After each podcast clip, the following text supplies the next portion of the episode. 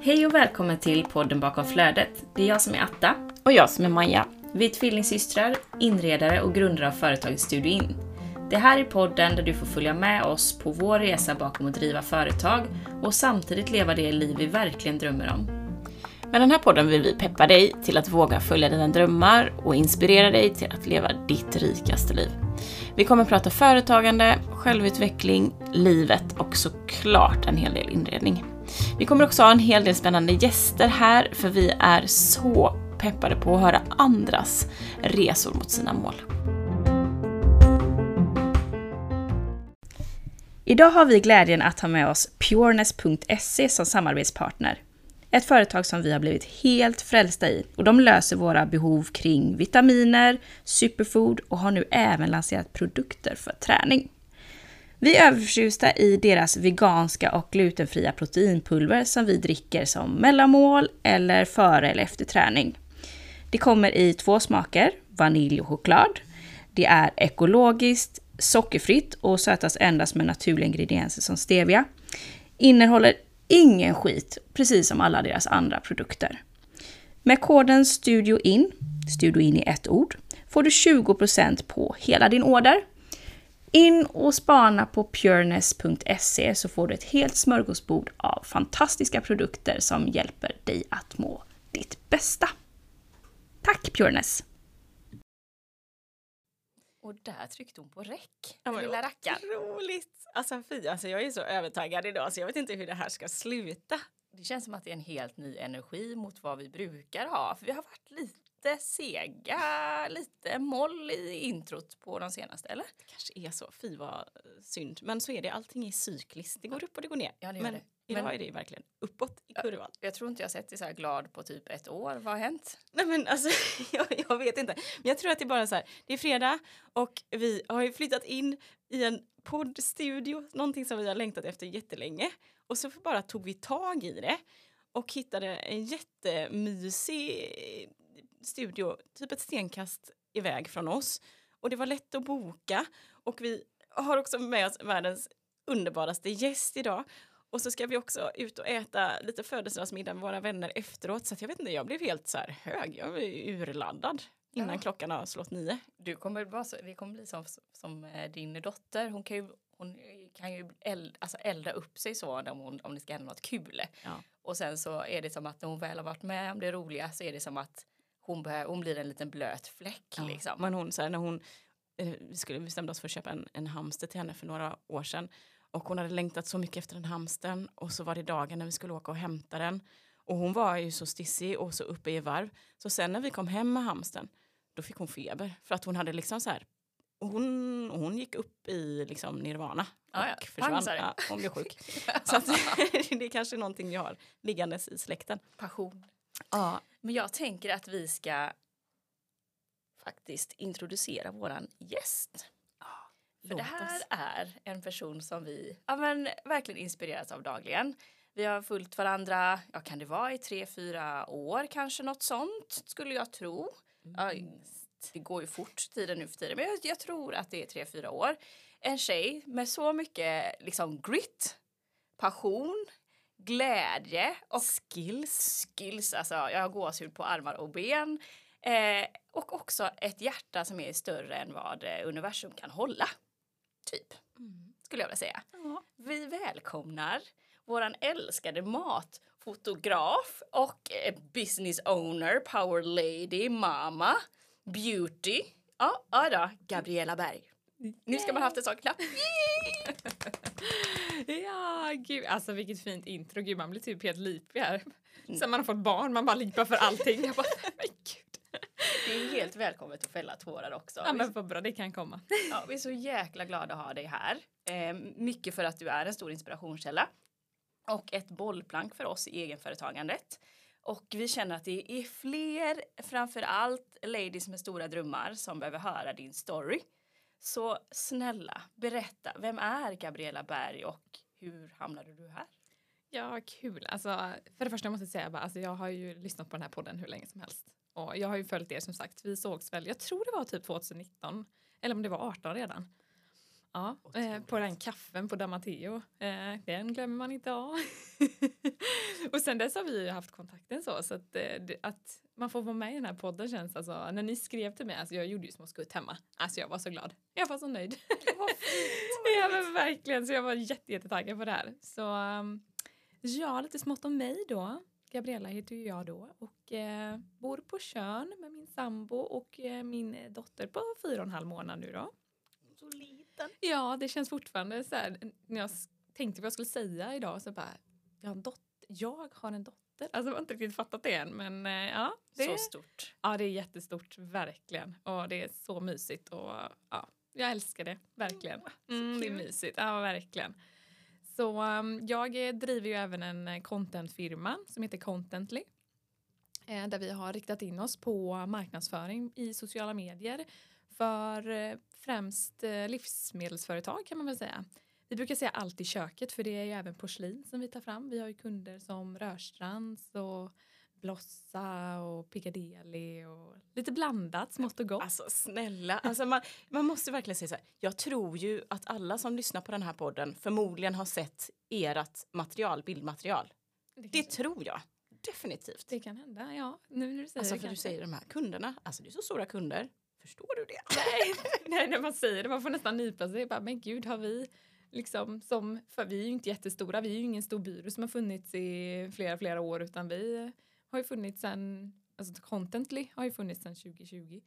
Så um, det är väldigt kul att ha landat så, så pass stora kunder ändå, att man får det förtroendet. Så det är väldigt roligt, verkligen. Tänker jag att vi ska gräva mer i hur du landar de här monsterkunderna. Ja, det vill vi veta. Och hur började den här resan för dig? Ja, alltså från starten så började ju jag, jag tog studenten eh, 2014 och sen eh, skulle jag ju ha ett jobb då och då pratade min pappa bara, ja men eh, vårat företag eh, på det han jobbade då, han bara, vi behöver uppdatera hemsidan med nya bilder så han jobbar med betongtrappor. Så bara, ja, nej men absolut. Så vi kollade med hans chef. Han bara, ja, ja men absolut, det behöver vi verkligen göra. Vi behöver nya projekt. Vi har massa nya projekt men inga bilder på det liksom. Och får jag fråga, äh, hade du liksom pluggat media, fotografi Nej, nej, nej. eller sånt i gymnasiet? Eller hur kom han på att du är rätt för det här jobbet? snarare typ att jag har typ, jag fick en systemkamera när jag var 16 och då tyckte jag det var jättekul. Innan hade, hade man en sån här sån kompakt kamera och gick och fotade typ allt. Jag fotade sten och det var allt möjligt liksom. Så det var väldigt blandat men eh, jag har alltid tyckt det var roligt med foto. Eh, och sen blev det väl mer och mer så då har man liksom fotat en massa och då var det väl så att han tänkte så här, ah, men det kanske du skulle kunna göra, det hade väl varit kul. Och, alltså, man är ju rätt skoltrött efter studenten och man bara, ah, gud, ja det är ett jobb, ja, det blev väl jättebra liksom. Eh, och det var jättebra, så det var jättekul att börja med det. Och sen så sa ju, pappa var väl mer eld och lågor över det här än vad jag var kan man väl säga. Jag bara, det är klart du ska starta eget inom det här, alla behöver ju uppdatera sin hemsida. Ja, jo, jo, det är väl sant, så sa jag. Och sen så vips så hade vi liksom startat ett eh, enskilt eh, företag där då. Eh, enskild firma heter det va? Mm, Ja, jag tror den säger det. Jajamän, ja. Har, har din pappa drivit eget så Nej. att han kände att det här var... Nej, så att han, jag tror han levde lite genom mig där. så han bara, det är klart vi ska starta, eller du ska starta. Ja, lite så. så att, eh, och så var det så hans eh, kompisar, företag och allting och så berättade de liksom hur mycket jobb det var här var då. Liksom. Ja, ah, men du måste ju ha ett annat jobb först eh, under tiden så kan du jobba med det här. Så du jobbar ju typ två, alltså 200 procent. Och nu när man precis har tagit studenten man bara, ah, jag vet inte riktigt om jag tycker det här är roligt. Men jag jobbade typ eh, ja, men åtta månader eller någonting på det här eh, företaget då. Men då hade jag ju inte, det var ju inte med firman utan jag var anställd hos dem. Jag hade ju det här liksom i bakgrunden, eh, vilande. Eh, och sen, eh, ja, som sagt så blev det inte riktigt att man kände att så här, ah, men det här vill jag göra nu och jag hade inte riktigt det drivet där och då så då blev det att jag jobbade i butiker istället, jag jobbade på ICA ute på kusten och hade med det livet eller vad man ska säga. Eh, och hade som sagt vi, eh, firman vilande så länge. Jag hoppade in och gjorde lite småjobb och sen när jag flyttade till Göteborg så blev det att jag gjorde något event eh, hit och dit och sen så bara nej men det här är rätt kul och eh, så då sökte jag också mer eh, fotojobb liksom så då blev jag skolfotograf. Åh, Aha. wow. Jajamän, Coolt. Det hade jag ingen aning om. Nej, det, det blev det. Eh, Och det var ju en period då. Det är ju typ två månader eller någonting på hösten när alla skolor ska fotas. Så då får man åka upp på en liten eh, utbildning för att visa hur man gör och allting och sen så får man köra på helt själv. Och så det var ju väldigt eh, givande. Eh, inget jag hade velat göra igen kände jag efter jag var klar men alltså det var så bra. Man fick ju verkligen lära sig och du vet handskas med barn och fota, liksom, fota vuxna nu är ju piece of cake. Ja, du bara, I've done it all. I've been to hell. ja men lite så. verkligen. Så att eh, nej så på den vägen blev det. Eh, och sen så blev det att det som sagt det låg fortfarande vilande. Jag gjorde ju småjobb som såna här och sen så blev det aldrig, det aldrig någonting som liksom tog fart helt. Um, men sen så blev det ju sen att jag jobbade mer och mer med, eller hörde av mig till företag liksom och ville ju få rullians på det här. För jag kände att det här är ändå väldigt roligt, jag vill ändå göra det här. Um, så fick jag en del uppdrag och då tänkte jag okej, okay, nu ser jag upp mig och så kör jag. Och sen så gjorde jag de här jobben och sen kom det inga mer.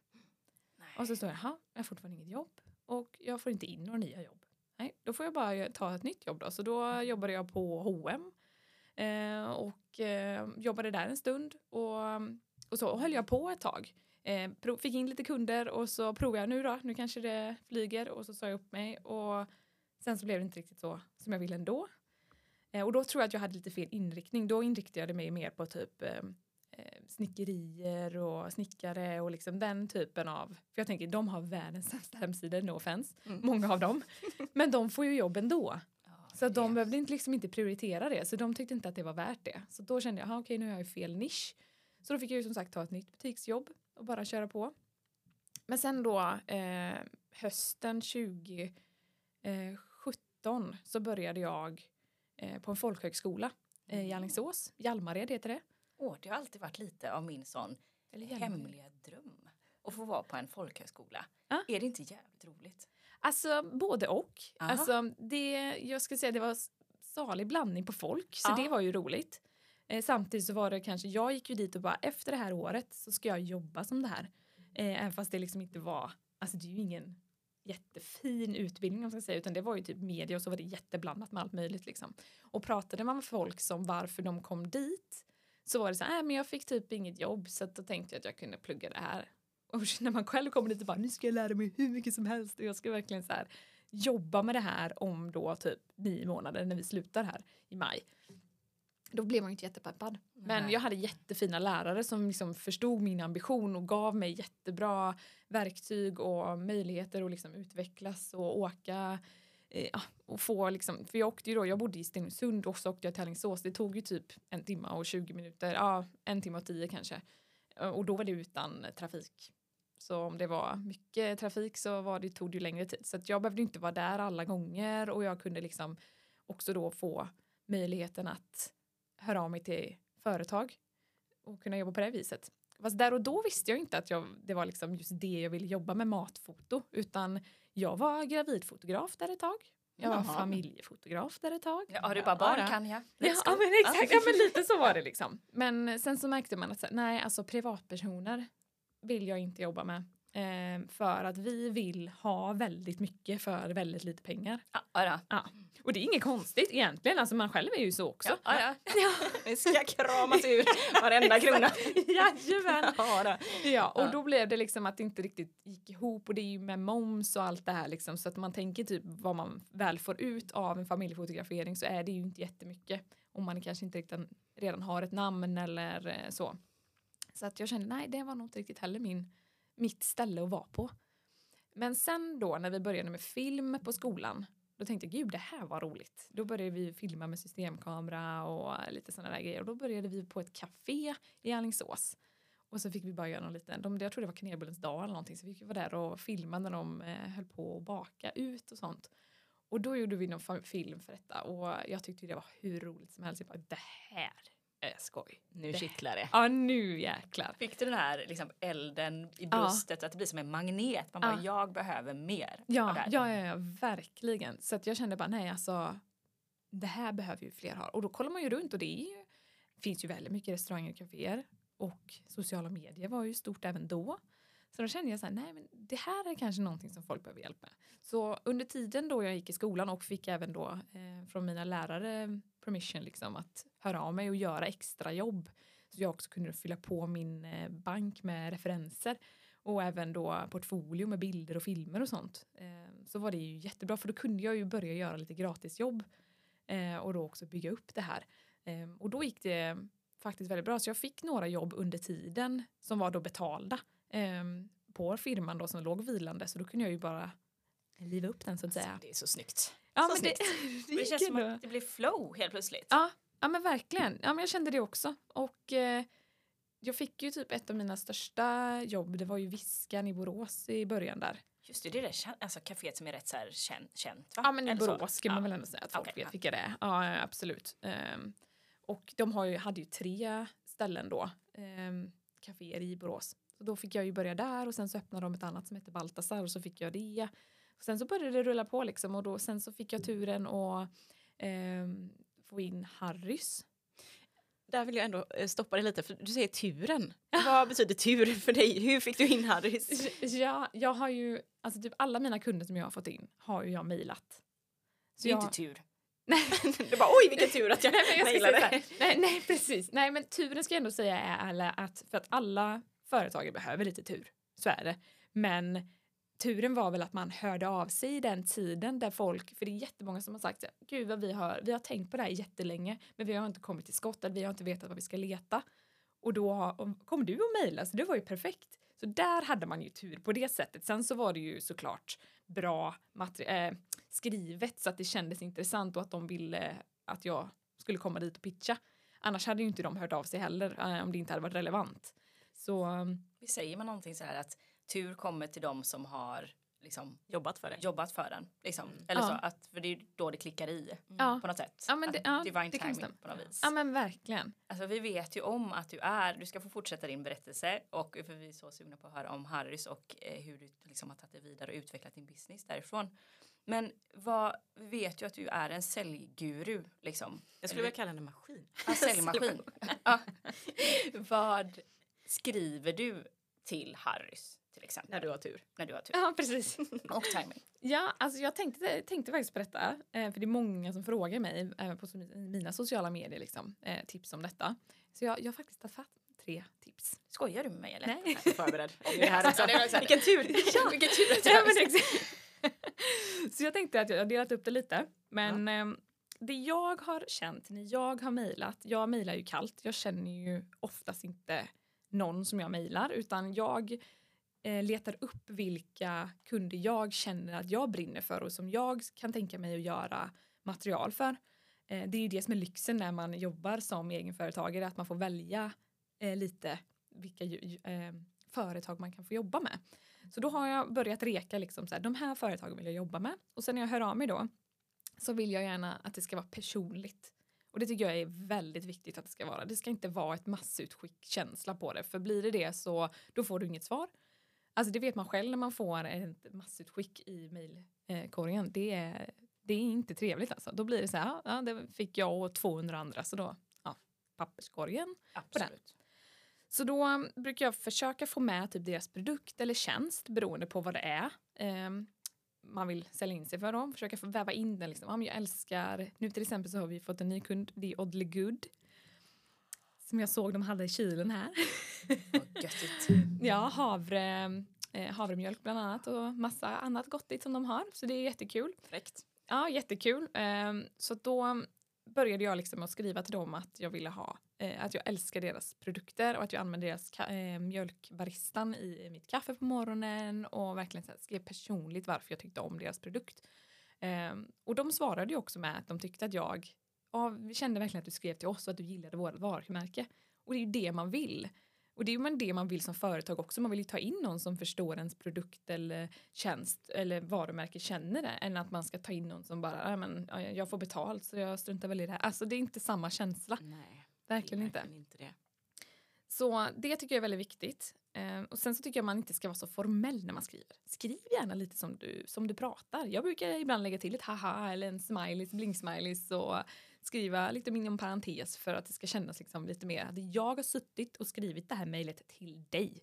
Jag har inte fått någon så här autosvar eller att jag har skrivit ner en mall som jag skickar till allt och alla. Du gick inte in på ChatGPT och skrev och så bad om det bästa säljbrevet. Vem vet, jag har inte provat det så det men kanske kan vara något, jag vet inte. Ja. Men, Det kan komma, du bara skriv lite mer som Gabriella Berg ja, pratar. exakt, Ja. exakt. Jag får prova det. Eh, och sen tycker jag i slutet så tycker jag man ska ha en call to action. Och det innebär? Och det betyder ju då alltså att man ska ha någonting som de kan agera på. Jag brukar skriva typ om du tycker att det här låter intressant så vore det jätteroligt att ta ett möte. Ehm, jag är väldigt snäll. När jag har fått mejl när någon försöker sälja in någonting till mig så säger de så ah, vi har, jag har ett möte tid, eh, onsdag klockan 13, funkar det för dig? Det tycker jag är lite för på. Jag bara, gud jag har precis lärt känna ditt företag eller det, det du har sagt till mig här nu, ska vi redan på, alltså jag, nej nej nej. Och då kan jag nästan pusha bort det lite för fort liksom. Så jag brukar vara mjuk och så. Och sen så försöker jag väl återkoppla om de inte har svarat. Eh, så man kan ringa upp dem i sådana fall för då kan man hänvisa till mejlet. Och många säger ah, ja ah, just det, det mejlet såg jag, jag har inte hunnit svara.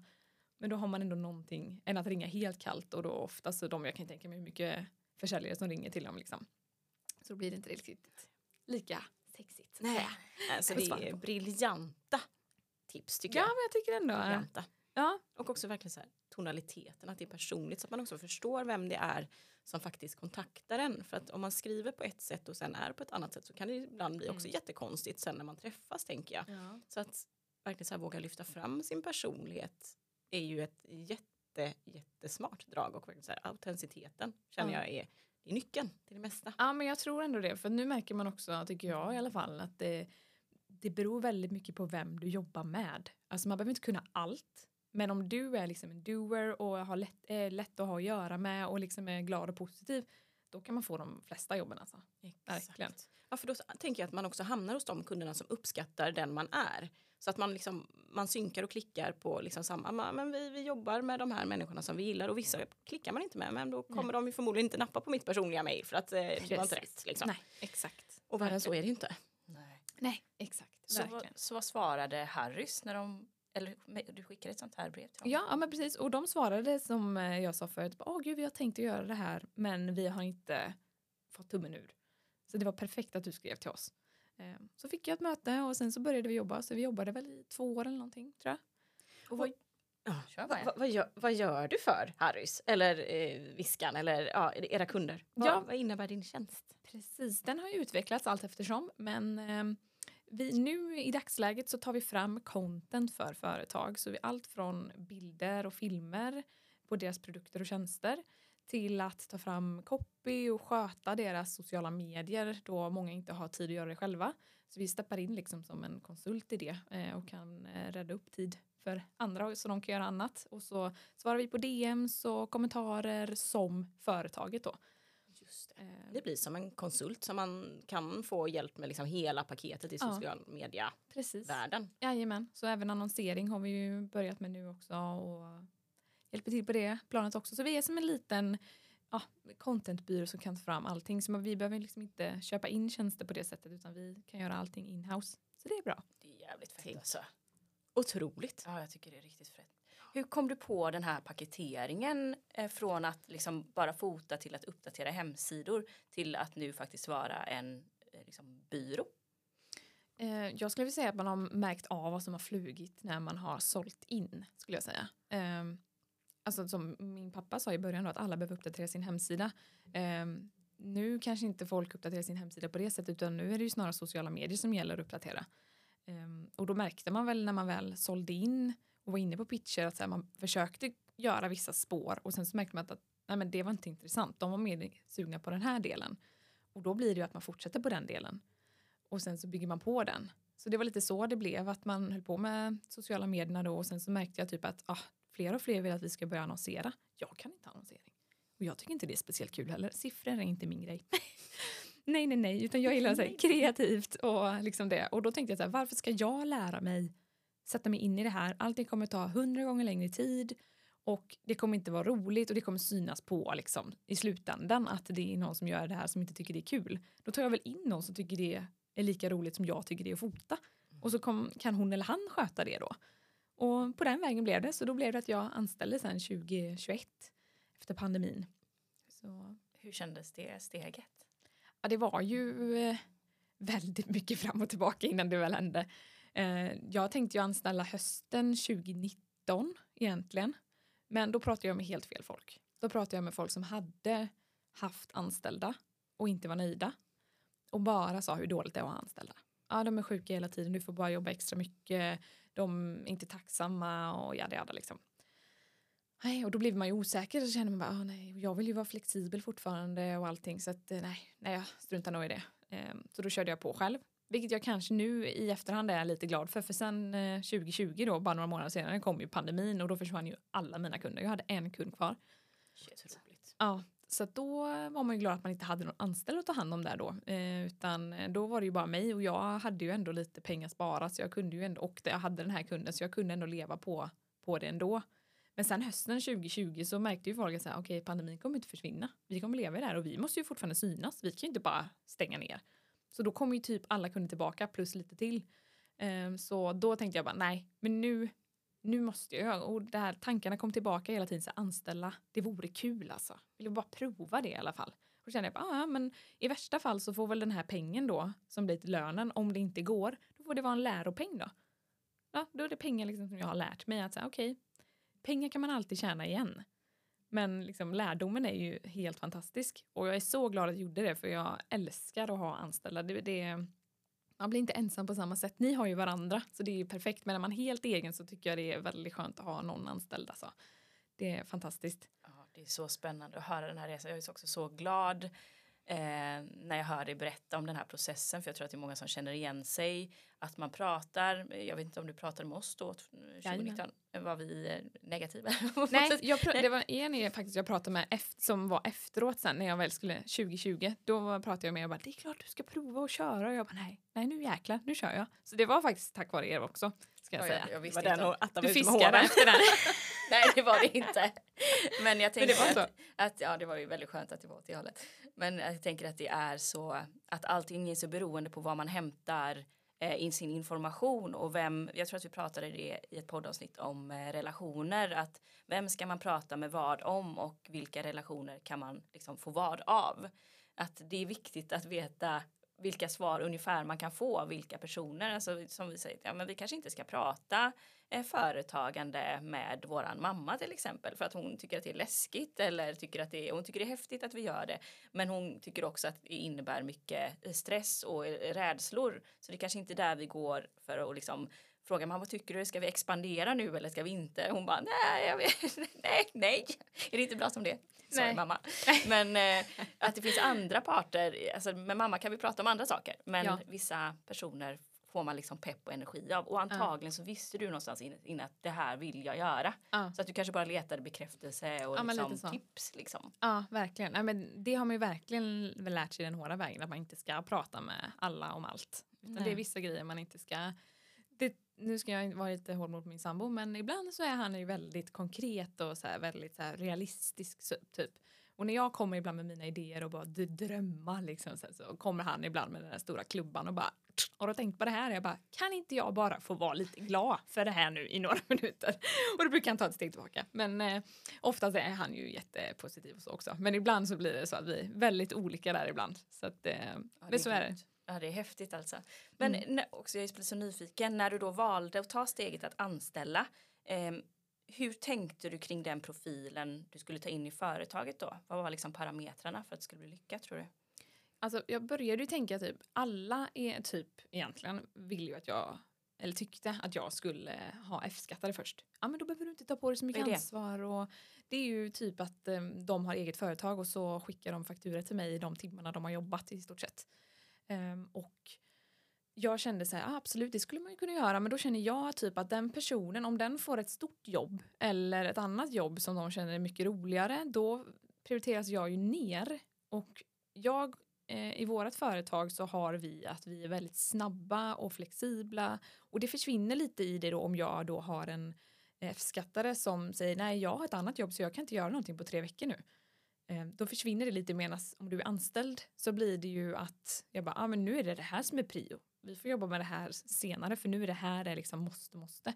Så det kände jag ju så här, nej men och sen också kände jag att jag ville ha en känsla av vi där blir det liksom, om man har en F-skattare tycker jag, det kan säkert vara olika på andra ställen, men så som jag kände var att så här, jag ville ha ett vi, vi gör det här ihop, vi som företag, vi, vi, vi.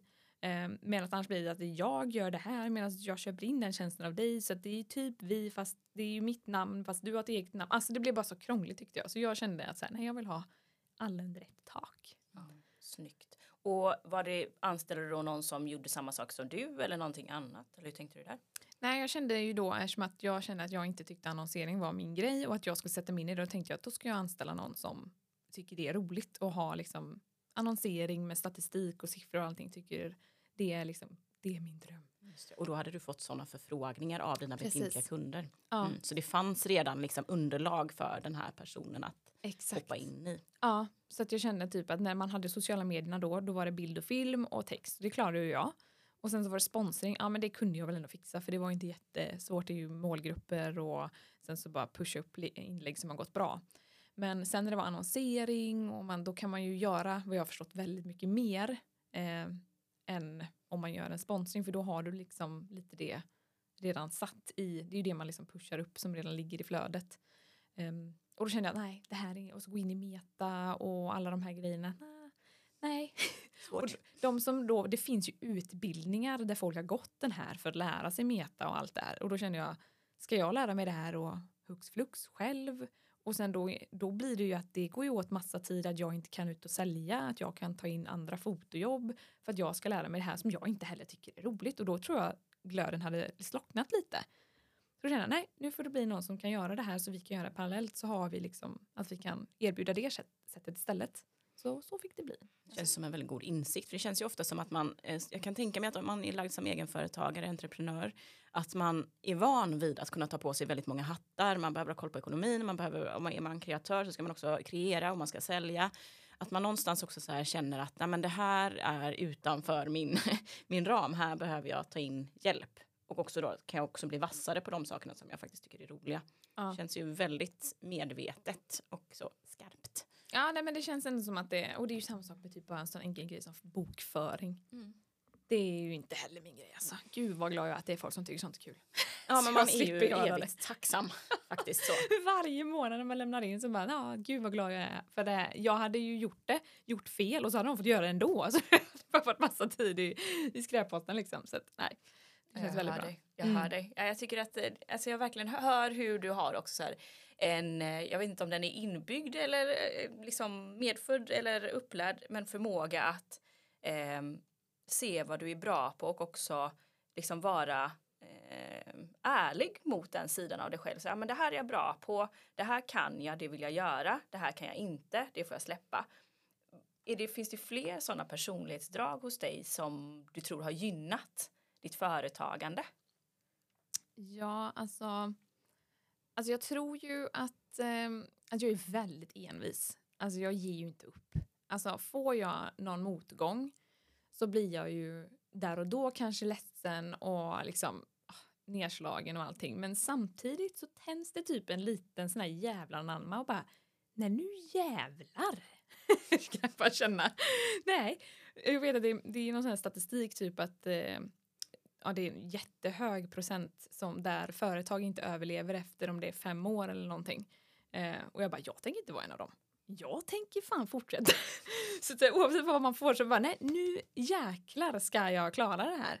Så att, eh, jag tillåter ju mig självklart att vara liksom lite nere och så men dagen efter så bara, nej nu är det back up on the horse again liksom. Damma Och bara- av sig bara. Ja men verkligen och bara köra på. För det, även fast det varit jobbigt så har man ju lärt sig extremt mycket på det också. Så att vara envis tror jag har gjort också väldigt mycket. Jag inte ger upp. Eh, för till, till exempel med pandemin när alla kunder försvann. Jag kunde ju bara lika väl. Jag har pratat med många som sagt att jag, alltså jag orkar inte vara företagare sen. För att jag hade byggt upp så mycket grejer. Och sen så kom pandemin och slog bara fötterna alltså, från sidan. Och då vill jag inte fortsätta längre. Medan jag bara, jag har gjort det en gång, kan väl göra det en gång till. Jag vet ju hur man gör nu. Alltså, liksom lite så tänker jag. Så det är bara att fortsätta. Det är klart att det var jobbigt men man får ju bara fortsätta kämpa liksom. Och speciellt om det är någonting man vill göra. Precis. Och jag tänker att den här drivkraften som jag hör att du har, det måste vara liksom den, ja men det, alltså det måste vara det som måste finnas tänker jag. Det Ja. går typ inte annars. Nej. Då orkar man ju inte Nej, ta sig nej. upp igen. Och det är det som är så viktigt tycker jag att här, när folk gör grejer eh, som de kanske inte tycker är roligt, då kommer du inte lyckas. Om du har ett drivkraft på fel ställe. Alltså jag vet några kompisar vet jag som verkligen ville bli stora på Instagram och då hade de ett mål eh, att de skulle nå x antal, eller få x antal följare eh, och då hade de ett, eh, liksom en strategi för det här då så då skulle de liksom sitta och lajka folk och kommentera på sånt som de egentligen inte tyckte var roligt. Alltså de höll ju typ två veckor. Och sen så tyckte de, ja men verkligen. Och sen bara, alltså det här är typ det tråkigaste jag, tyck, jag vet. Och jag bara, ah, hur ska du kunna hålla då liksom hela livet om du vill jobba med det här hela livet liksom? Alltså nej. Så jag tror det är väldigt viktigt att veta vad man har för drivkraft och mål på det liksom för att eh, orka när de här dagarna när man verkligen känner sig nedslagen. Ja, ja, det behöver vi komma inifrån. Ja, verkligen. verkligen. Ja. Jag är också nyfiken för du säger det här, men pandemin var en utmaning eh, såklart och sen man ser att sina kunder försvinner och man bara hur ska jag någonsin liksom lösa det här igen? Eh, vad har dina rädslor varit under den här resan som egenföretagare? Har de förändrats eller alltid varit de samma? Och hur ser de ut idag? Ja, jag tänkte på det. ehm, att jag vet inte riktigt hur... Kollar jag typ nu för tiden så skulle jag nog ändå säga typ att mina rädslor är typ samma som det var när jag började. Sjukt nog. Man tänker att oh, man växer och allting, men det har jag ju gjort. Men rädslorna är fortfarande samma, det är bara nu kan jag liksom tackla dem. Så nu vet jag lite mer. Alltså, förr till exempel när man började så var man ju så orolig för att det materialet jag tar fram, att ingen ska tycka om det. Att säga, okej jag tar fram de här bilderna, kommer de verkligen tycka om det nu då? Eh, och annars är ju jag sämst. Alltså då, eh, är ju värdelös då. När man fick feedback och de tyckte att det var någon bild som de inte tyckte om eller någonting. Då var ju jag helt nedslagen. Alltså det var typ det värsta klumpen i magen, kunde inte sova i stort sett liksom. Mådde bara, allt kändes bara piss. Men nu när man får det så vet man liksom att så här, men jag är nöjd. Jag tycker den här bilden är jättefin. Eh, och att alla får se olika på sådana typer av saker. Att någonting som du tycker är fint kanske inte jag tycker är fint men det får vara så men det betyder inte att, det, att jag är dålig för det utan det är bara att man ser på olika sätt. Så det har man väl landat i lite mer att man har olika, man har samma rädslor men kan hantera dem mycket bättre nu än vad man kunde när man började. Ja, för det är också en så jäkla fräck insikt tror jag. För att många är så här, ja men hur, hur ska man våga starta eget och är ni inte rädda? Så jag bara, jo men fan rädd varje jävla dag. liksom. men, Livrädd, man, hur? fel. Ja. Ja. men att man lär sig hantera och hitta sina sätt och verktyg för att komma vidare och också så här, ja men jag får acceptera, jag tycker att det här är obehagligt med att visa mitt uttryck och min kreativitet, bli bedömd, eh, få kritik. Eh, men som du säger att man hittar sina så här sätt att komma över det och, och gå vidare. Det Ja, alltså när man har, jag lyssnar väldigt mycket på Johannes Hansen. ja, älskar. Älskar honom. Ja, alltså, det. jag har ett poddavsnitt som jag lyssnar alltid på honom när liksom jag vill ha pepp. Och han vet jag när jag har varit live på honom här i Göteborg då, då har det varit så här att ja, men om den här liksom rädslan, du får ju katastroftankar. Eh, att så här, gud jag kommer inte klara det, du tänker på allting som kan gå fel. Men det är då du utvecklas också. Om du aldrig kommer dit, då kommer du aldrig bli bättre heller. Och sen så ibland blir det katastrof, men du löser det också. Och sen så har du fått lära dig av det, okej då ska jag inte göra så här nästa gång. Så när jag får den paniken då blir jag nästan typ lite glad. Bara, Åh, nu utvecklas jag igen. Ja, men alltså Så- nästan att kunna känna tacksamhet då. Tänk precis. den omställningen från att bli livrädd och bara så backa ur och bara nej men, jag, Ja. nej men det här är för mycket. Till att bara känna så här tacksamhet. Åh, Ja. alltså det är ett sånt jävla lifehack du har hittat där. Ja men, jag säga. ja, men alltså det känns verkligen eh, så att man, det blir ju också vad man gör det till. Har man rätt inställning till saker och ting, alltså då, då blir livet mycket roligare. Så är det. Ja. Faktiskt. Mm. Jävla bra sagt. Ja, och vi älskar Johannes Hansen. Om, om man inte Ah. har koll på honom så har han ju både en podcast, böcker Mm. ja, och föreläsningar. Har du gjort någon av hans sådana, ehm, han, hans böcker innehåller ju liksom alltid uppgifter. Ja. Har du kört någon av Ja, ja, hans? ja. Men jag är ju hans, varje sommar öppnar jag samma bok och gör allting likadant varje sommar för man blir så här, ja, men man blir, även fast man vet typ lite vad det är för någonting så bara få höra den här peppen och sen så bara rannsaka sig själv, reflektera och även fast det är typ varje år så blir det att någonting har ju ändrats och det är väldigt kul att gå tillbaka och kolla vad man har skrivit. Man bara, oj gud, tänkte jag så då? Nej, nej, det var ju konstigt. Varför gjorde jag det? Nu är ju det här mycket mer fokus. Eller så bara, ja, det där är fortfarande mitt mål. det är bra, jag är på rätt väg. Så det är bra att kunna liksom reflektera på det sättet. Så det, jag älskar hans grejer, alltså verkligen. Ja, häftig. Ja, man Ja. kan ju spana in honom. Johannes Hansen.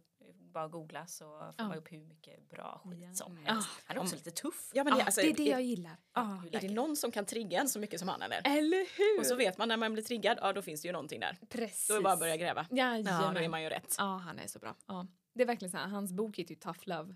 Och det är det verkligen. Alltså det är, och det, han har typ blivit lite likadan. Alltså jag vet, han, eh, han pratar väldigt mycket om eh, när man eh, typ man lever lite i sin egna sanning typ. Att så här, ja men du vet nej men jag kan inte göra det här för att det är det här och det här och det här. Och så har man liksom en berättelse som man alltid kör och alla sitter likadant bara, ah nej gud jag förstår absolut. Medan en annan sitter så här bara, ja men vadå det är ju bara att ändra. Eller vadå? Alltså, bara, nej, men jag, kan typ, alltså jag älskade här om eh, veckan när ni hade en podd där ni pratade om det här med slöscrollandet och att ni inte hann gå ut på promenad på morgonen. Alltså jag det. tänker på det hela tiden. Alltså jag har så mycket fritid nu. Överallt hittade minuter. ja, alltså så, så fort man får lite över så den här telefonen kommer upp och så bara jag ska bara och så ah, just Instagram och så sitter man där kanske en kvart. Ja, det var den kvarten jag kunde gjort något annat. Och det är ju verkligen så, alltså så här, medan alla säger bara nej men jag kan inte göra det här och det här fast bara ja men rannsaka dig själv. Det kan du. Alltså det finns alltid någonting man kan göra. Det är Ja. bara inställning. Ja. Vill du? Ja, Eller- precis. Ja. Jajamän. Ja, det är så jäkla viktigt. Ja. Ja, vad spännande. Det är vårat sånt. Jag tycker det verkligen är dagens tips att lyssna lite på Johannes Hansen och utsätta sig för hans triggers. För det, det kan vara nådastöten alltså, men det är också Ja. det som får dig att- att komma vidare. Mm. Han är inte lugn. Nej, nej. like it. Så krass. Ja, All, alla skulle ha en sån i sin eh, Ja. bekantskapskrets. Verkligen. Men det svåra är ju, jag har märkt att han blir ju inte gillad heller. Nej, Alltså det, är många, nej, det är många som liksom så här, du vet armbågarna ut och du bara, så här, blir riktigt bara, nej men du känner inte mig, du har ingen aning om hur vad jag har gått igenom. Bara, nej men den säger ju alla. Ja. Jag ställer dig där borta. Du är det gänget. Ja. Det är ni som är mina potentiella kunder. För en dag kommer ni komma tillbaka till mig. Precis, Ja, det är ni som har mest att jobba på. Ja. Mm. Ja, det är galet. Eh, en till sak jag tänkte på Gabriella, för att du berättade ju om de här eh, liksom hur du tar kontakt med företagen och liksom pitchar in dig som kreatör och eh, ert liksom, företag. Men hur har du jobbat med prissättning? Hur har det varit i början att liksom prissätta sig själv och marknadsföra sig själv? Ja, alltså det vet jag. Det pratar till och med min pappa fortfarande om. För jag kommer ihåg när jag hade varit på något kundmöte i precis i början när jag startat eget och jag märkte att med den prissättningen jag hade satt från början inte funkar längre för att nu går jag inte ihop. Eh, och så här, i början då när man har skola och allting så funkar det ju men sen när man skulle ut och jobba med det här som heltid då funkar inte den prissättningen längre. Eh, så då försökte jag ju liksom säga det till min kund och då körde de lite härskarteknik och tyckte liksom att nej men nu har jag.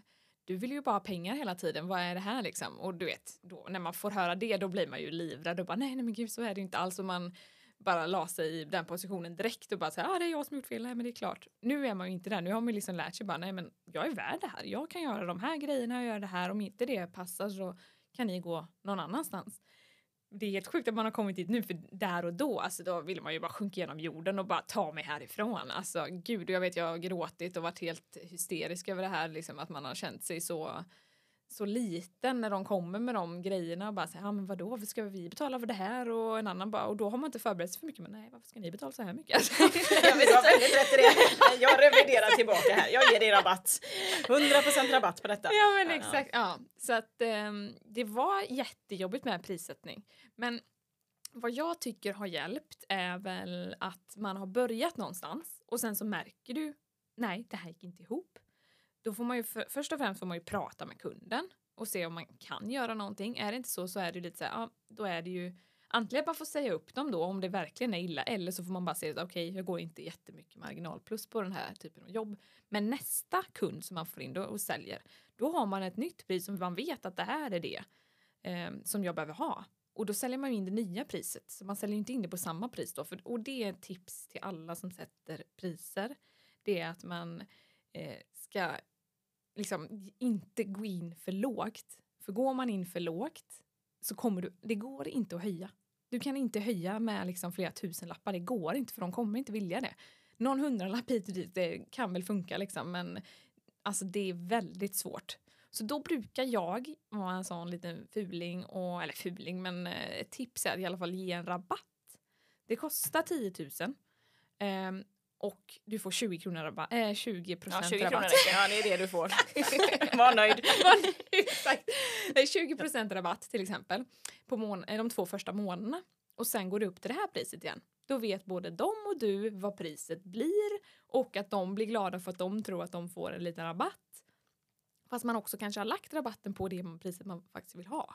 En bra grej i alla fall i början för att man liksom ska känna också då, då blir det inget snack sen om man behöver höja priset. För så här, ja men du ser ju, det kostar ju egentligen 10 000 här. Ja. Men du fick 20 rabatt Ja. första månaderna. Ja. Det är värre att höja 2 000 spänn utan att säga, bara, ja men varför det säger de efter två månader. Vad får jag mer av? Exakt. Så Ja. att det är mycket Nej. lättare. Ja, för jag tänker det du säger där också att det är så bra att köra den strategin framförallt liksom för sig själv för att Mm. våga ta betalt. För jag tänker att det är väldigt, väldigt få Framförallt, nu kanske jag generaliserar, men kvinnor som startar eget i början som vågar ta betalt det de är värda. Mm. Och då är det kanske lättare att börja så som du säger, så här, sätt priset, rabattera, en tydlig rabatt som du säger, den gäller så här många gånger eller den här perioden. Och sen så kommer mitt ordinarie pris kicka in för att det är det jag ska ha. Liksom.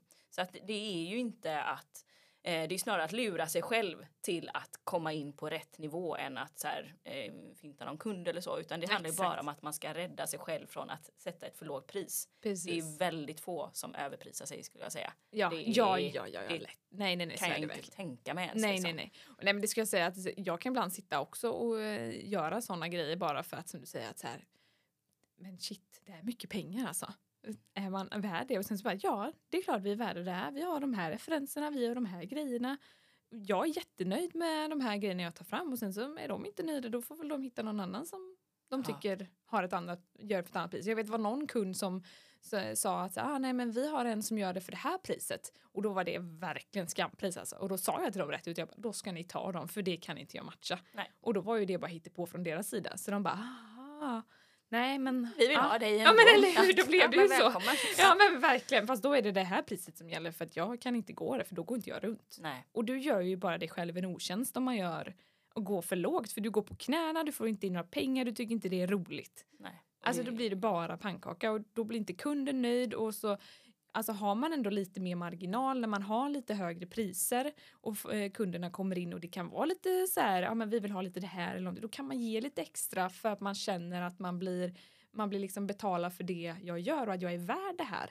Jämfört när man får jobb där man inte har tagit ordentligt betalt och det kommer samma problem eller samma önskemål och då känner man så här, nej men nu har jag gett redan för mycket egentligen så vill du ha ännu mer. Då blir man snarare lite så här liksom, tvär. Ja, men precis. Bara, nej, det vill inte jag alls ge. Nu utnyttjar du mig tycker man. Ja, liksom. Exakt. Så det är bra att ta betalt. Ja, Det blir så mycket bättre Mm. dynamik om man känner att man får betalt för det man gör på Ja. ett värdigt sätt. Det går inte att jämföra mot Nej, när man blir underbetald. nej, Det kommer inte gynna någon i längden. nej, nej, nej, verkligen. Helt klart. Och om man hoppar över från prissättning som är liksom väldigt konkret och också ett klurigt ämne många gånger vet jag för egenföretagare att liksom värdesätta sig själv och vad, vad är det jag ger till kunden. Så jag är också nyfiken på hur du marknadsför dig själv och Contently eftersom det är också det ni pysslar med för andra. Hur Ja. tänker du på er egna strategi och innehåll? Alltså det är väl Ska jag vara helt ärlig så blir det ju att det blir lite att man det blir skyms undan eller man ska säga. Alltså det blir ju lite mindre tid för man har så fullt upp med alla andra uppdrag att det blir lite att ens egen blir lidande. Men vi försöker ju ändå lägga upp mycket på sociala medier eh, där vi liksom ska finnas och vi har någonting att kunna skicka med så att kunderna, så det blir lite som våra levande portfolio. Att det del- eh, hela tiden kommer upp nya projekt och jobb som vi har gjort. Eh, samtidigt som vi försöker också bra, berätta lite mer om våra dagar och sånt också som jag också kan tycka kan vara bra för framtida rekryteringar. Det, folk har, det är många som har hört av sig och säger att ni verkar ha så himla bra stämning och allting som jag står för och jada jada liksom. Så att det är väldigt bra på det sättet tycker jag. Eh, sen så brukar jag ju säga nätverk är ju typ det bästa man kan vara på tycker jag. Det är ju ut och nätverka, ut och berätta vad du gör så att fler och fler vet vad du gör och vem du är. Och sen så är det alltid någon som känner någon som kan prata med någon som känner någon som pratar med dig. Och så blir det på det, liksom ringa på vattnet. Så, Är du med i uppstyrda nätverk eller är det mer så att du minglar och tar liksom en, en one-to-one träffar eller har du liksom, hur, hur nätverkar du? alltså både och. Alltså jag älskar ju peppkaffe, det är min grej jag älskar ju att ta one-to-ones med liksom folk som, som ni. Så det var ju så det började alltihop. Bara ta en peppkaffe och prata. Eh, och älskar ju att prata med folk som har som är egenföretagare, alltså kan ju vara anställd också men har eget, liksom, eget driv och vill göra saker och bara, så man bara får höra hur tänker du här, ah, du tänker så och så man får höra andra perspektiv på saker. Det är väldigt bra tycker jag.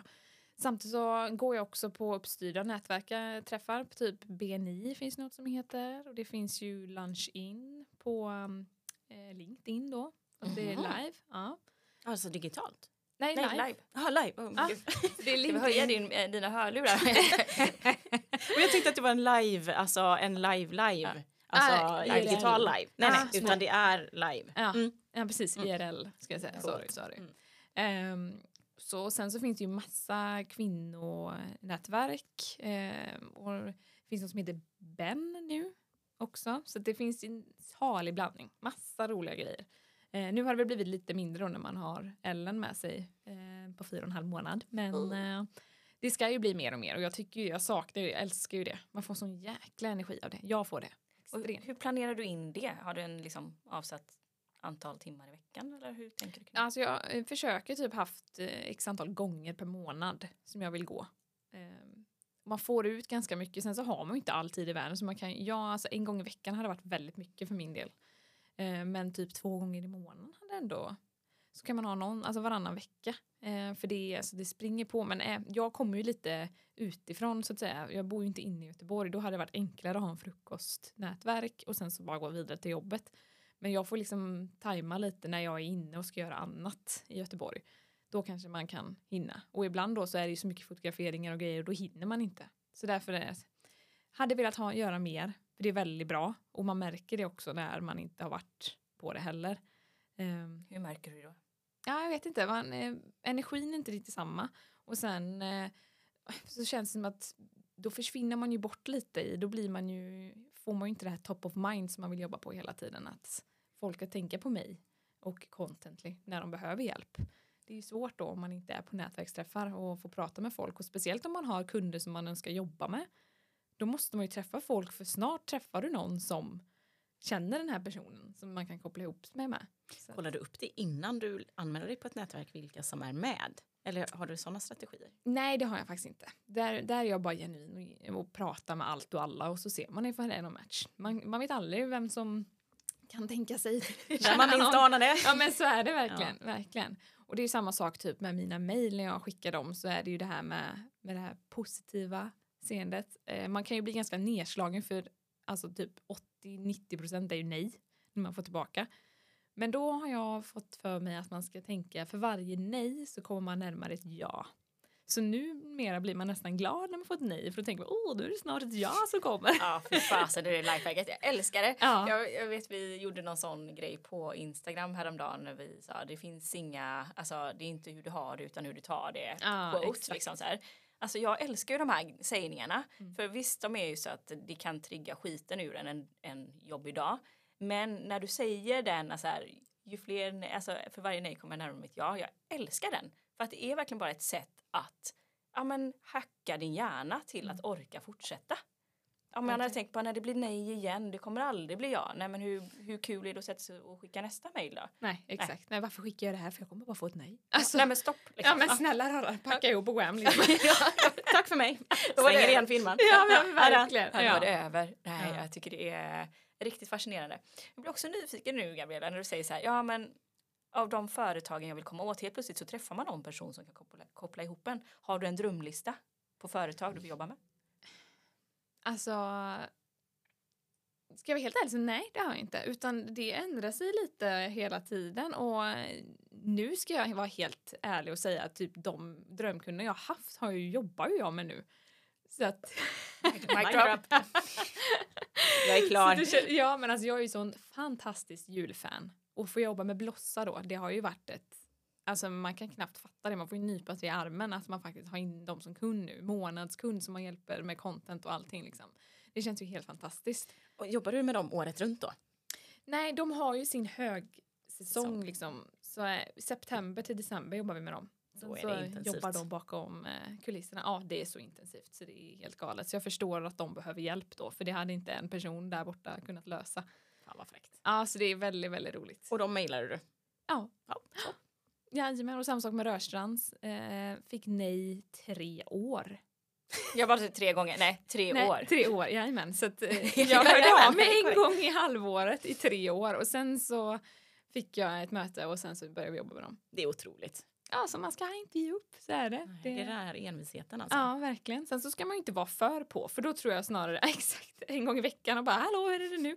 Men en gång i halvåret tycker jag ändå så här, för det kan hända väldigt mycket. Någon går på mammaledighet, någon går in i väggen, någon har slutat. Alltså det finns alltid någonting som kan hända. Och man hör av sig och bara hej, jag vill bara kolla hur läget är.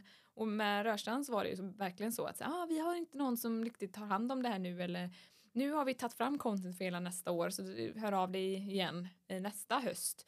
Eh, och sen så har det blivit så och sen så träffade man någon som bara, ja ah, men absolut det här låter intressant. Kan du ta ett möte efter sommaren? Och så blev det då tre år efter man hade börjat. Det är också bra. Jag tänker att man på så sätt också skaffar sig lite knowledge om vad som händer i företaget. När, Även med de korta svaren som man kanske får. Ja. Så får man ändå så här, ah, okej nu är de där, de har tagit fram content. Aha, då vet jag att de, de tar fram content ungefär i den här cykeln. Så nästa gång kanske jag ska höra av mig här. För då Ex. ligger jag bättre i, i tidslinje. Eller, alltså det finns ju, man kan ju vinna mycket på att få nejen också som man kan lära sig av även där. Att man smyger åt sig information som man annars kanske inte hade fått. Heller. Verkligen. Och det kan du också använda på andra företag. Jag menar det är inte alla som tar fram content alltså så här, olika tider utan oftast är det ju samma för att man ska kunna hinna planera och det är budgetar och allting sånt där. Så att det, nej, man kan verkligen få mycket energi på det. Det är lite den behind scenes infon som man kanske kan använda till sin fördel sen. Precis, precis. Jag, jag vet inte om det här är en, eh, en fråga som, nej men jag tycker att den är eh, relevant och jag är nyfiken själv också för jag vet ju att du har nu Ellen på fyra månader. Hur eh, lägger du upp eh, dagarna med jobb och föräldraledighet? Ja, alltså det är ju mycket olika från dag till dag. Och jag har försökt landa i det också, att man kan, men när man har en helt nyfödd bebis så kan man liksom inte planera som man var när man var helt själv och kunde bara rå om sig själv. För så här, ja, nu har jag extremt mycket så jag får ta lunchen on the go. Jag kan inte riktigt säga till Ellen, du får vänta en halvtimme på din lunch för mamma behöver göra det här. Det funkar inte riktigt. Eh, så att eh, det har ju blivit att hon sover väldigt mycket på förmiddagarna och då kan jag ju passa på att jobba. Eh, och sen försöker jag ju på eftermiddagarna då att hon, jag ska vara så mycket som möjligt med henne. Det har varit min målsättning. Den eh, kan man ju diskutera lite för det har inte gått bra alla gånger men eh, hon är ju med mig på typ allt. Ehm, så hon bara är vår lilla maskot kan man säga. Så hon är så nöjd bebis Så hon är liksom bara nöjd att få hänga med och se vad som händer. Och, så hon har varit med på kundmöten och allt möjligt. Eh, fotograferingar och allting och det har gått jättebra. Så det, det funkar ändå bra men det blir ju mindre och mindre nu märker man för hon är vaken mer. Hon vill prata mer. Eh, och jag vill inte vara någon som sitter så bara "Shh, nu får du vara tyst mamma och möte liksom. Utan vill du prata, prata på. Du får prata hur mycket du vill. Så att jag vill ju inte vara liksom hemma henne på något sätt. Så det märker man ju att snart kommer det bli att jag och min sambo kommer få dela upp det mer. Han är också egenföretagare. Så att eh, vi har ju lyxen att kunna lägga upp det precis hur vi vill. Samtidigt som vi ingen kan ju bara vara hemma i nio månader utan att, då har vi ingen av oss jobb sen. Så att vi behöver ju liksom parera och planera och allting eh, så att alla kan ha sitt jobb kvar så att säga. Ehm, så jag, tycker ändå att det funkar bra hittills men snart kommer vi få dela upp att så här, två dagar i veckan får jag jobba, tre dagar kan han jobba. För eftersom att jag kan jobba mycket på plats, jag kan vara hemma och jobba, eh, göra möten, redigera och allting sånt. Medan min sambo han gräver, han kan liksom inte Han gräva, gräva på hemma. distans. Och gräva i vardagsrummet älskling. Nej, det går inte riktigt. Så ehm, nej, då har vi löst det på det sättet och jag tycker det funkar jättebra. Och där också när vi pratar om kunder, där är också lyxen att så här, jag frågade, är det okej om jag har med min dotter på möten? Och ha, känner de då att så här, nej, det vill vi inte. Då känner jag, vill jag ha dem som kund då? För det är lite så här, så här ser mitt liv ut just nu. Jag måste ha med henne för att jag ska kunna liksom göra det här, för att jag ska kunna jobba, för att jag ska kunna livnära mig på det här. Och om de inte känner att så här, nej men det är inte så som vi gör det här, då kanske jag inte heller vill jobba med dem heller. Så jag har känt så här, men jag vill inte äga att jag har med mig min dotter. Att så här, ja men det har varit kundmöten, jag bara, ah, nu, nu vaknar min dotter, jag ska bara springa och hämta henne. Och det har aldrig varit några problem. Och jag har hört tyvärr andra företag som har varit så här, nej men gud du får absolut inte ha med din dotter. Och, och då har jag tyvärr också hört att det är mycket män som sitter på de här styrelse så här, nej men man har inte med sig sitt barn på sådana här möten. Även fast den, person, den lilla bebisen har bara legat och varit jättenöjd så har man inte det. Det är så märkligt. Alltså det är väldigt tråkigt så jag tycker man ska äga det och sen så är det, finns det folk som inte klarar av det, ja men då, då kanske vi inte ska jobba ihop heller. Det är den där matchen, Ja, exakt. lika värderingar. Mm, verkligen. Jag tror att den är viktigare och viktigare idag. Mm. Jag tror att förr i tiden så fick man liksom skita lite i det. Eller man tänkte att det inte var, var viktigt. Mm. Utan man säger, ja men är det en, en kund som kan betala så kör vi. Mm. Det var inte så viktigt vem det var kanske eller hur, Mm. vad de hade för värderingar eller kultur. Men jag tror att idag när vi pratar autenticitet, att man vill visa upp vad företaget står för för att kunna locka kunder och medarbetare så blir det också viktigt hur man hanterar sina underleverantörer, leverantörer, relationer överlag. Att det är avgörande. Ja, och också att man så här månar om att människors liv ska gå ihop och att man visar att man faktiskt bryr sig om liksom, alltså att familjeliv också betyder någonting och att det inte bara är prestera här och nu utan så här, ja men allt ska funka liksom. Och funkar allt så mår man bättre och då kommer också leveranserna vara bättre. Så att den där kopplingen om att det är inte bara att man ska sitta och producera utan man har också saker runt omkring som behöver funka. Mm. Så det känns, ja, det är bra Gabriella. Ja. Äg det. Ja men jag känner det verkligen. Ja. Mm. Och inte heller behöva ge upp sin passion för att man Mm. blir mamma. Ibland, man kan ju bli förälder och känna att nu vill jag gå in i det här och så. Mm. Men om man inte känner det utan så nej men jag vill också eller behöver också göra detta. Att man faktiskt kan hitta sätt att göra det på så att man inte behöver vara antingen eller. Utan Nej. att man faktiskt här, hittar sina sätt och gör det på sitt sätt som känns bra för en själv. Ja. Nej, men det håller jag. Viktigt. ja, jag tror också det. Verkligen. Du inspirerar. Ja, du inspirerar som förebild. Mm. Åh herregud, Nej. Gabriella. Herregud, Nu ska du sluta. ja, Ja. jag tänker att vi ska avrunda lite smått. Men jag har också en fråga till dig Gabriella. Eh, för vi, vi älskar ju eh, liksom social media, jag och Maja. Har du några tips till våra lyssnare eh, hur de kan skapa mer engagemang och liksom få sina sociala kanaler att frodas? Ska man jobba med sina sociala medier 2023, 2024 nu liksom? Ja, ja men precis. Ja, alltså jag tycker väl att man ser eh, olika trender men eh, att jag skulle säga för att skapa mer engagemang så ska man ju försöka prata med sin målgrupp. Alltså, pra, alltså bjud in dem till samtalet. Vad vill de se? Um, var lite mer det här som jag pratade om att skriva i mejl, skriva lite mer personligt, inte vara så formell. Ehm, och sen också visa hur man använder era produkter eller tjänster. Inte bara berätta att de finns. Jag tänker på typ ert företag eh, till exempel med eh, ja, men visa ni har en ny vas. Istället för att bara lägga upp en produktbild på den här och bara här är en vas. 1800 kronor. Ja. Såklart. Nej, är det Bara köp här liksom. Ja. Än, än att visa så här, skillnaden i ett rum. Så här blir det med den här vasen i det här ljuset. I det, det här kan ha den här, du kan ha den här. Alltså då blir det en helt annan grej. Alltså Maja, vi har så mycket att göra. Alltså, jag bara, alltså, vi får nog köpa lite timmar av vi tror jag. Hur var det med inredning då? ja, nej men absolut. Jag kan konsulta och tipsa kan jag göra. Gud ja. Vi behöver all hjälp. Ja. Ja, Så visa hur, inte bara att man finns som företag och det här gör vi, utan också hur du använder. ja snarare. Ja, ja. verkligen.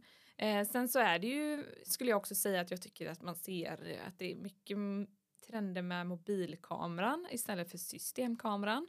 Att det ska vara mer det här äkta, råa liksom. Jag tycker att eh, om man kollar till exempel Kaja eh, som är väldigt duktig på sin marknadsföring eh, just på sociala medier så gör de en eh, jättepampig påkostad reklamfilm för till exempel julkalendern som är riktigt eh, Ah, de har ju tåg och grejer som de har hyrt in sig på. Då använder de det som marknadsföring. Sen så lite senare så lägger de upp behind the scenes på den här. Så det blir också marknadsföring. Men det blir lite mer det här äkta, häng med, vi döljer ingenting, följ med oss som företag. Så att det är så smart och liksom du får två av en grej liksom. Um, så att jag skulle säga mycket behind the scenes och visa um, vad man gör som företag och eh, hur det går till och sånt så folk liksom får en relation till företaget mer. Eh, då är man mycket mer benägen att köpa av det företaget. Ja, man älskar ju behind the scenes. Ja, Jag- mår ju så mycket bättre av att se Bianca gå in där på tåget och hur de har filmat det och tagit olika tagningar så eh, än egentligen den pampiga reklamfilmen. ja, ja visst. Alltså det är någonting med det som Ja. är så här, fan vad inspirerande. Ja. Man är nyfiken. ja, jag är så inne i bänken. Ja, det är coolt. Ja, det är häftigt. Bra tips. Jag hoppas det. Ja, men verkligen. Så har du någon mer framtidsspaning du vill dela med dig inför 2024? Någonting vi ska tänka på i social media? Tro, vad tror du på? Ja, vad tror jag på? Oj, vad spännande. Ehm, ja, jag, jag är lite så här med just TikTok. Mm. Den tycker jag är väldigt spännande. För jag märker att det är ännu mer folk och företag som tar sig in på den här. Även fast den är så bannad. Och folk säger att den inte ska... Ja, vi ska det var väl eh, förbjuden i USA någonstans nu. Och, så det, det är ju väldigt omtalad plattform att man absolut inte ska använda den. Men man märker att det är företag som kommer in där titt som tätt. Väldigt många skulle jag säga. Så det ska bli väldigt spännande att se liksom hur den typen av plattform tar sig och hur företag tar sig inställningen till att använda den eller inte eller om man bannar den istället precis som många har pratat om att man ska göra eller om man kommer ska skapa ännu mer content. Eh, för det är ju en helt annan typ av generation som hänger där och det är ju viktigt för de växer ju upp sen också och ska ja, Även de dricker glögg tänker jag. precis, Absolut, jajamän. definitivt. Jag, var det någon som sa att, att, att det köps enormt mycket genom TikTok? Att, att det används verkligen som en, en, en sökmotor Ah, ja. för att hitta saker som du köper. Alltså det var typ så här 90 procent av en viss generations köp Ja. går via TikTok. Nej men det är helt galet. Inte Google liksom. Nej, nej, nej. Och jag, jag senast här, kollade på någon YouTube-klipp där de sa ah, nej, men jag sökte på, på TikTok ehm, typ någon skinrutin. Jag bara, jaha, så går du den vägen alltså? Det är så intressant att höra att det är Ja. så här, Google är absolut inte det som är top of mind hos många utan det är nej, nej, det jag googlar, äh, googlar aldrig utan det är TikTok som gäller. Så att, eh, ja, och finns man inte där då då går man miste om en del som du säger, det tror jag absolut. Ja. Så att det ska bli spännande att se hur det utvecklar sig sen under 2024. Lägger ni upp material där på Contently? Ja, det har vi börjat med. Måste Vi skapade inlogg i förrgår. Nej men Ja. spännande. Det kommer säga galant för er, det tror jag. Be om Ja. tips. Vi har övat på en dans, Gabriella. Ja, det- Nej, skojar. Det ska Ja, bli ja. väldigt intressant. Jajamän. Jag Jag har Ja, hört att det är en, kul. en dansplattform. Ja, men det var ju det. Det var Ja. verkligen det. Och det, jag såg någon eh, film häromdagen på TikTok där det stod så här, åh jag saknar den här trenden 2020 när, för då, då var ju allting nedstängt så det enda som folk kunde göra var ju danser. Men det skulle jag ändå säga har väl, nu är det absolut inte så mycket dans längre utan nu är det väldigt mycket annat. Många som jag följer som håller på med personlig utveckling till exempel. Oh, har du tips på någon på TikTok eh, som man ska följa om man är intresserad av personlig utveckling? Eh, ja, Ofelia heter hon. Um, Ofelia, oh, jag kommer inte ihåg hennes efternamn. Eh, men jag tror hon kommer upp typ först om man söker på henne för hon är jättestor. Hon är jätte, jätteduktig. Hon jobbar mycket med marknadsföring och personligt varumärke då. Så, ja, riktigt duktiga. Då har vi en att följa. Ja. Och om man vill följa ditt arbete eller höra av sig till dig för att ens företag behöver vackert content som säljer.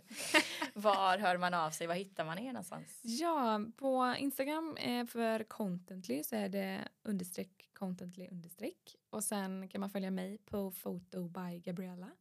Ehm, och annars är det väl TikTok då och där är det ju också Contently eh, eller Gabriella Berg. Så kan man kika in där och följa oss där. Ja, det är bara vi välja och genast? Ja. Otroligt fint. Är det någonting mer du vill tillägga själv? Ska vi fråga också. Ja, tack för att jag får komma hit. Det är fantastiskt att få hänga med er så här en förmiddag. Vilken lyx, vilken fredag! Nej, otroligt. Vi är så peppad. glada. Ja, Jag är så glad. Alltså, jag är så taggad på att lyssna på det här. Jag ska nog lyssna så många gånger. Ja, det är så bra tips. Så mycket skriva upp. Ja. Ja, snälla ni. Ja. Men då tar vi väl fredag då. Det gör vi. Ja. Tack så mycket. Tack. Hej. Hej, hej! Trevlig helg!